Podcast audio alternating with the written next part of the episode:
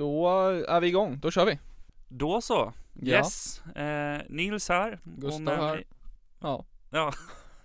nu pratar vi i mun på varandra. Det är alltid så oklart vem det är som ja det är lite svårt. säger. Men Mm. du heter Gustav. Jag heter Gustav. Och det har våra eh, trogna lyssnare koll på Ja, förhoppningsvis. det här laget. Och Idag, du heter Nils. Ja, jag heter Nils ja. Fan, Vad bra. det är... Fan, vi är ju 100% redo för Ja, det här. Vi har ja. koll på vad vi heter. Exakt. Vi ska i alla fall snacka om eh, lite saker kopplade till Ukraina Mm. igen. Mm. Eh, det börjar bli ett återkommande tema. Ja, verkligen. Men idag så hade vi tänkt att prata lite om inflation. Mm. Och sen ska vi lite kort prata om Sverigedemokraternas tankesmedja Oikos. Just det, just det. Mm. Spännande. Och vad det har att göra med Ukraina. Ja, så håll i er. Eh, men vi börjar med inflation då. Yes. Och där kan jag börja, för jag har skrivit en text om inflation. För just nu, inte, inte helt kopplat till Ukraina-krisen, men brukar ju tas upp i en diskussion om generella kriser. Och just nu har vi hög inflation. Inflationen ligger på 4,5 procent, vilket innebär att det generella priset på varor har gått upp från föregående år, samma period, alltså mars förra året. Mm. Så har priserna på generella varor gått upp 4,5 procentenheter mer än vad, vad ska man säga, dina pengar är värda. Så saker är 4,5 procent dyrare ungefär. Det Så är dina, dina pengar har minskat i värde helt enkelt. Om du bara har haft dem liggande i madrassen. Ja, det är ganska mycket. Det är mer än vanligt. Riksbankens mål inflationen är ungefär 2, eller den är 2 procentenheter. Och det är för att det ska vara en stabilitet i samhället. Och då brukar löneökningen generellt brukar väl, alltså den brukar väl vara på typ 3 procentenheter eller något sånt där, tror jag. Vilket gör att man då, kan man också säga, tjänar en procentenhet. Den, den re, reallöneökningen, alltså det, de mer pengar du får, är en procentenhet. eh, Ja exakt, men det är väl lite tanken också med löneutvecklingen att den dels ska ta höjd för inflationen och sen så ge lite extra. Ja, precis. och konsekvensen nu blir då att den Ja. tar inte höjd för Ja, inflationen. exakt. Om, om den här höga inflationen fortsätter eller Mm. om den blir ännu högre så är det ju så att om du får under 4,5 i löneökning då kommer du få, då kommer du förlora pengar Mm. helt enkelt. Eller man ska säga, pengarna kommer minska i värde för att sakerna blir dyrare. Och det, man skulle kanske kunna hävda att vissa saker beror på krisen i Ukraina för det är så att om oljepriserna går Mm. upp väldigt mycket då generellt brukar inflationen öka för om energi kostar mer eller olja, drivmedel och sånt så kan matvaror bli dyrare. Det kan bli dyrare med att producera saker och då går priserna upp och då Mm. ökar inflationen. Men det är också eh, kopplat till energipriserna i vintras och om man lyssnar på SCB, statistikmyndigheten i Sverige, så är det också på grund av matvarupriserna, på grund av att det var lite oklart, men det handlade mycket om att det har varit dyrare för ganska länge sedan att producera matvaror och stegen i inflationen tar ganska lång tid. Som säg att eh, energipriserna för ett halvår sedan ökade ganska mycket för Mm. bönder, så tar det ju ganska lång tid innan konsumenten märker den här, de här stigande priserna. För sakerna ska tillverkas och så är det liksom långa led. Och sen när slutprodukten säljs, typ en limpa bröd eller vad det kan vara, i matbutiken, då först märker man, aha, priserna har gått upp och då ökar inflationen. Så den här inflationen kan också med stor sannolikhet bero på saker som hänt för länge sedan. Vilket kan vara oroväckande, man ska inte sprida panik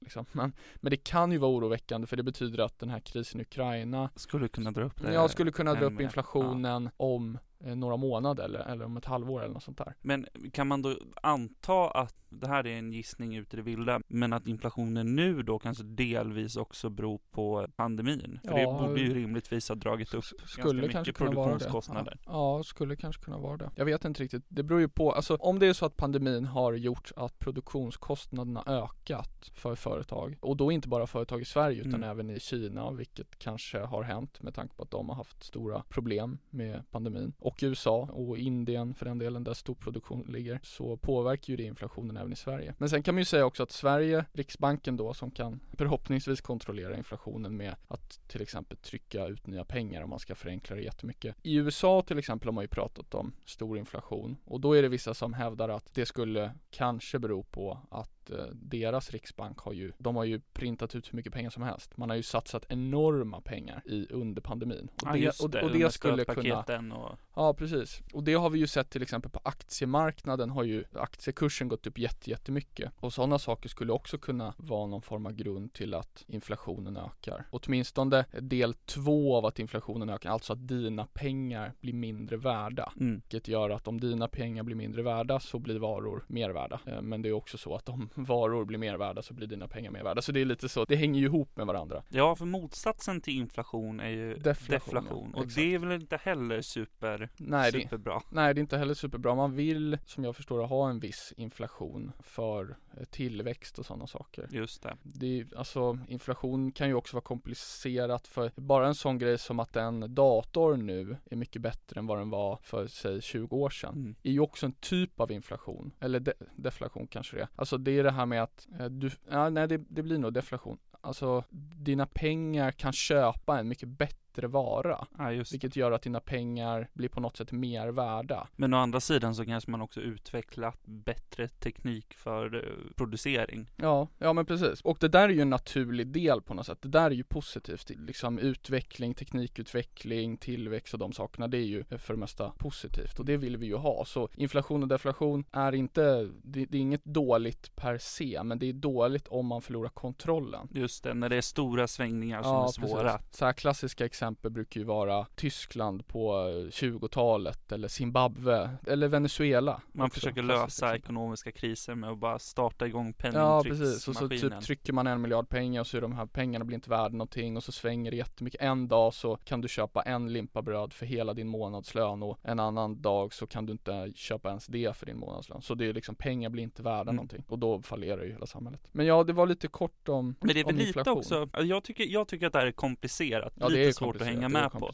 Men jag vet ju också att det finns en diskussion bland nationalekonomer allmänt kring inflation, eh, Mm. hur skadligt det är för Ja, ja visst, visst. Eh, och att det också, med hög inflation så kommer det vissa, alltså det kommer positiva effekter av det också. Typ att, jag menar allmänt, det driver upp konsumtion, det skapar fler Ja. jobb. Ja, alltså hög inflation, eh, om man, nu går man in på sådana här nationalekonomiska tekniska detaljer, men hög inflation innebär också, för det finns en koppling till arbetslöshet. Alltså Mm. hög inflation, eh, Låg så kan man ha låg arbetslöshet och tvärtom. Nu ska man säga att på senare tid så har den där kopplingen ifrågasatts mer och mer, men det kallas Philipskurvan helt enkelt. Det är en koppling mellan inflation och arbetslöshet. Och det var ju det på 90-talet, tror jag, där man införde till exempel att i Riksbanken ska vara en autonom myndighet. Alltså den lyder inte under regeringen eller, ja den lyder ju under riksdagen men den Just är, det, för att den regeringen vill oftast se till att ha en låg Ja arbetslöshet. precis och att man vill se till att politikerna inte ska kunna fingra för mycket så att man försöker behålla den här stabiliteten just på grund av sådana här saker. Men ja det är jättekomplicerat. Men det är väl också därför jag tycker det är en diskussion om huruvida ekonomi på den nivån ska vara politisk eller inte. Mm. För att det är klart att klåfingriga fingriga politiker kan skapa mycket kaos. Men nationalekonomi är ju också, alltså det är ju ett minfält av eh, olika åsikter och tankar och ja, egentligen ja, jo men visst. i brist på ordentlig kunskap om hur det faktiskt funkar för att det är så komplicerat en ideologiskt slagfält mellan olika Ja. teorier. Jo men delvis, men huvudsaken, eller huvud, åtminstone min bild är väl fortfarande att det är ju en vetenskap eh, och då bör man lyssna på de som kan det. Så Mm. det är farligt att politiker som inte kan någonting om det skulle ta över helt och hållet för då tror jag faktiskt att det skulle bli kaos. Men ja, äh, nu har vi redan pratat i eh, tio minuter om det. Tio minuter. Men, men- då ska vi gå vidare då. Ja, det var Inflation. lite kort om inflation ja, men, Ja. men ja, Sammanfatta det. Sammanfatta, inflationen har ökat, den är relativt hög just nu. Det är intressant att följa och eh, ja, eh, det är komplicerat. Men just, ja, ja, man behöver inte känna någon större oro, det Nej. tror jag inte. Inte än i alla fall. Inte, inte än i alla fall. Ja, men det var Vi får komma tillbaka till detta om det Ja, ja, skulle men vara så precis, att det blir kaos. Men i alla fall, jag tänkte att vi ska prata om en liten annan grej idag också och Mm. det är, jag sa väl det i början, men Oikos. Mm. Har du koll på vad Oikos är för någonting? Ja det har jag. Det är, väl, det är väl inte direkt Sverigedemokraternas tankesmedja men den är ju väldigt SD-kopplad. Det är Mattias Ja, Karlsson exakt. som har startat den. Den så är stora ideologen Ja exakt. Och så är det massa sådana lite SD-människor som sitter i, med i det där styrelsen eller vad man ska kalla den. Och en av profilerna som är tätast kopplad till Oikos egentligen är ju Malcolm Kion. Ja just det. Tidigare Ung Vänster-distriktsordförande. Utesluten. Eh, som blev utesluten Mm. ja. och som nu har blivit någon i gänget i alternativa SD Ja, ja höger precis. Han, han gör lite den vägen som många andra gör, typ eh, Jag tänkte direkt på typ typ Cissi Wallin och kanske lite Linnea Claesson och vad finns det mer? De folk som börjar som någon form av vänsterförespråkare ja. och sen när de blir liksom ditchade av vänstern så går de över och blir typ alt-rightare för att de måste hålla kvar sin eh, plats i rampljuset. Yes. Liksom. Så han känns lite som en, en sån person, en medgångssupporter. Men om vi ska försöka få en röd tråd i det här resonemanget så mm. tänker jag att vi kan börja någonstans i Sverigedemokraterna och Ryssland mm. som är en eh, något komplicerad eh, ja. fråga. Ja. Där, där Sverigedemokrater tidigare visat lite större förståelse för Putin och hans motiv än, än andra egentligen. Och det här har ju, den här bilden, särskilt efter invasionen men också innan, har ju Sverigedemokraterna försökt tvätta bort rätt mycket. Mm. För att, ja, man vill inte vara Putins eh, vän nej, idag. Nej, um, det är lite ensamt. Men därför är det ju intressant med denna Malcolm Kyon på Oikos. Mm. För att han har ju under krigets gång egentligen uttalat sig ganska, mm. om inte nödvändigtvis särskilt positivt mot Ryssland, så har han varit väldigt kritisk mot väst och han har också hånat Ukrainas mm. försvarsförmåga en del. Mm. Flera gånger har han gått ut och sagt att i, imorgon så kommer Ryssland vinna och så kan den här mm. soppan äntligen vara över. Ja, han uh, kör lite så uh, RT Kreml-propaganda ja, på sin Twitter. Exakt. Han är ju åtminstone konsekvent. Han, han har inte ändrat sig i sin ryssvänlighet bara för att Ryssland är ännu mer idioter, eller Putin är ännu större idiot, utan nu, han håller fast. Det får man Men det är ju verkligen, det är verkligen det han gör och eh, hade det här varit för ett år sedan så kanske inte det varit en superstor grej att en mm. sverigedemokratisk profil uttalar sig på de här sätten. Men att han gör det idag när Sverigedemokraterna försöker någonstans tvätta bort den där bilden mm. och egentligen helt, eh, mig vetligen så har inte SD varit ute och sagt att, eller framförallt Oikos då, som eh, mm. han är kopplad mm. till, varit mm. ute och sagt att fan det här tar vi avstånd från. Nej. Utan han får härja på ganska fritt. Vad tänker du kring det? Jag tänker att det visar kanske på Sverigedemokraternas fortsatta oförmåga att eh, hålla en linje och eh, vara konsekventa och ha ordning i leden om man säger så. Och sen får man väl också säga att när det kommer till Malcolm som är någon form av, ja, vad ska man säga, tänkare inom SD. Alltså det är ju clown, han är en clown-tänkare. Ja, Förlåt Malcolm om du skulle lyssna på det här mot förmodan. Men det är ju någon form av pseudo-intellektuell person som sitter hemma och har kanske alldeles för mycket fritid och eh, jag tror eh, är inne på typ Reddit och Eh, Twitter lite för mycket. Får, får all sin information från så Kreml, Twitter, troll och så tar han det som fakta. Men jag, det är ju ganska intressant att lyssna på honom för att han säger oftast väldigt, alltså han har ett ganska avancerat språk. Ja, han precis. hänvisar till massa olika historiska skeenden ja. och så försöker man förstå den, vad han egentligen säger och då hänger det oftast inte ihop. Nej men det är det, det jag menar är lite liksom... den här pseudovetenskapliga idén. Det är lite människor som, eh, vad ska man säga, inte kan den här grunden av källkritik kritik typ Nej, och värderar alla källor lika mycket och bygger sina resonemang på delvis korrekta, delvis eh, falska saker. Så det blir lite som så här antivaxare. Ja. Som så här delvis, alltså det stämmer ju att man kan få bieffekter av vaccin. Men sen så de använder det som en sanning och sen kopplar de på liksom falska grejer. Typ att man dör av det eller något sånt där. Så, så man använder först en sanning för att försöka få legitimitet och sen kopplar man på något falskt. Så att man tror att det stämmer för att det delvis är sant och delvis är falskt. Ja, Jag tänker att han gör lite samma sak. Det är ju lite det contradiction, vad heter det på svenska? Det heter motsägelsefulla. Att de är väldigt besatta av fakta och få mm. fram en form av sanning. Mm. Men har liksom absolut inte en grundläggande koll på Nej. hur man definierar varken fakta Nej. eller sanning. Jag tycker det är intressant för om man lite spinner iväg så det brukar ju, alltså den där typen av SD-svans brukar ju ibland kritisera någonting som de kallar för kultur marxism som mm. är lite så pseudovetenskapligt uttryck för att all, de menar åtminstone att folk som är kulturmarxister skulle värdera all kultur lika mycket, alla värderingar är lika mycket värda och sådana där saker, vilket bara är halmgubbargument egentligen. Men ja, det finns väl någon eh, professor någonstans ja, ja, men säkert. som tycker men, så. Men... men det roliga är ju att de gör samma sak när det kommer till vetenskap. Ja. De värderar alla argument lika mycket. De värderar liksom om typ det kommer ut någonting från Kreml eller jag vet inte fan Kina så bara sväljer de det med hull och hår på samma sätt som när de läser, jag vet inte, Svenska Dagbladet eller någonting. Alltså de värderar äkta journalistik lika mycket som ren propaganda. För att de tycker att, jag vet inte, de kanske inte typ tror på att det finns eh, vetenskaplig rätt eller fel. Men tror du inte lite att, för ganska typiskt för Sverigedemokrater är ju att man har extremt låg tilltro till staten, mm. man litar inte på institutioner, mm. man tror att här, folk i väst eh, ljuger. Mm. Liksom. Ja. Och att man då, går man in med den synen och är allmänt skeptisk mot eh, vad som kommer ifrån väst, då ja, jo, det ligger väl något i det. Tror man att så här, när Russia Today säger någonting så är det samma sak mm. som när SVT säger någonting. Ja. Och därför är det lika mycket värt. Jo, men det, det ligger nog någonting i det.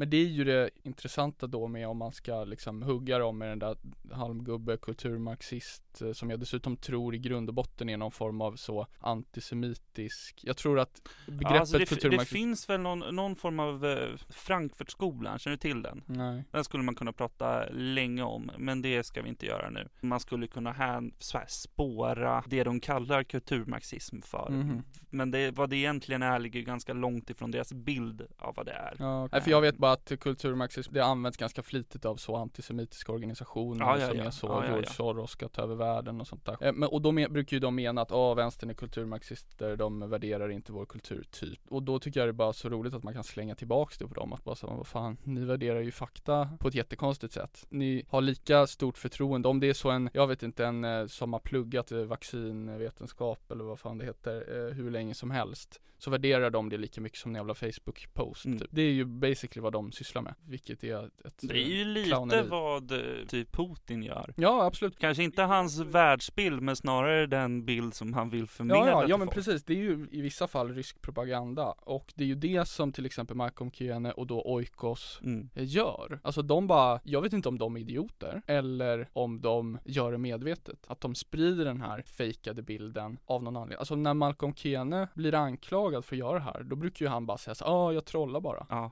Det är ju det sämsta argumentet någonsin. Bara jag sprider lögner på Twitter för att trolla. Trolla, ja. I en krigssituation. Det är alltså SDs stora tänkare.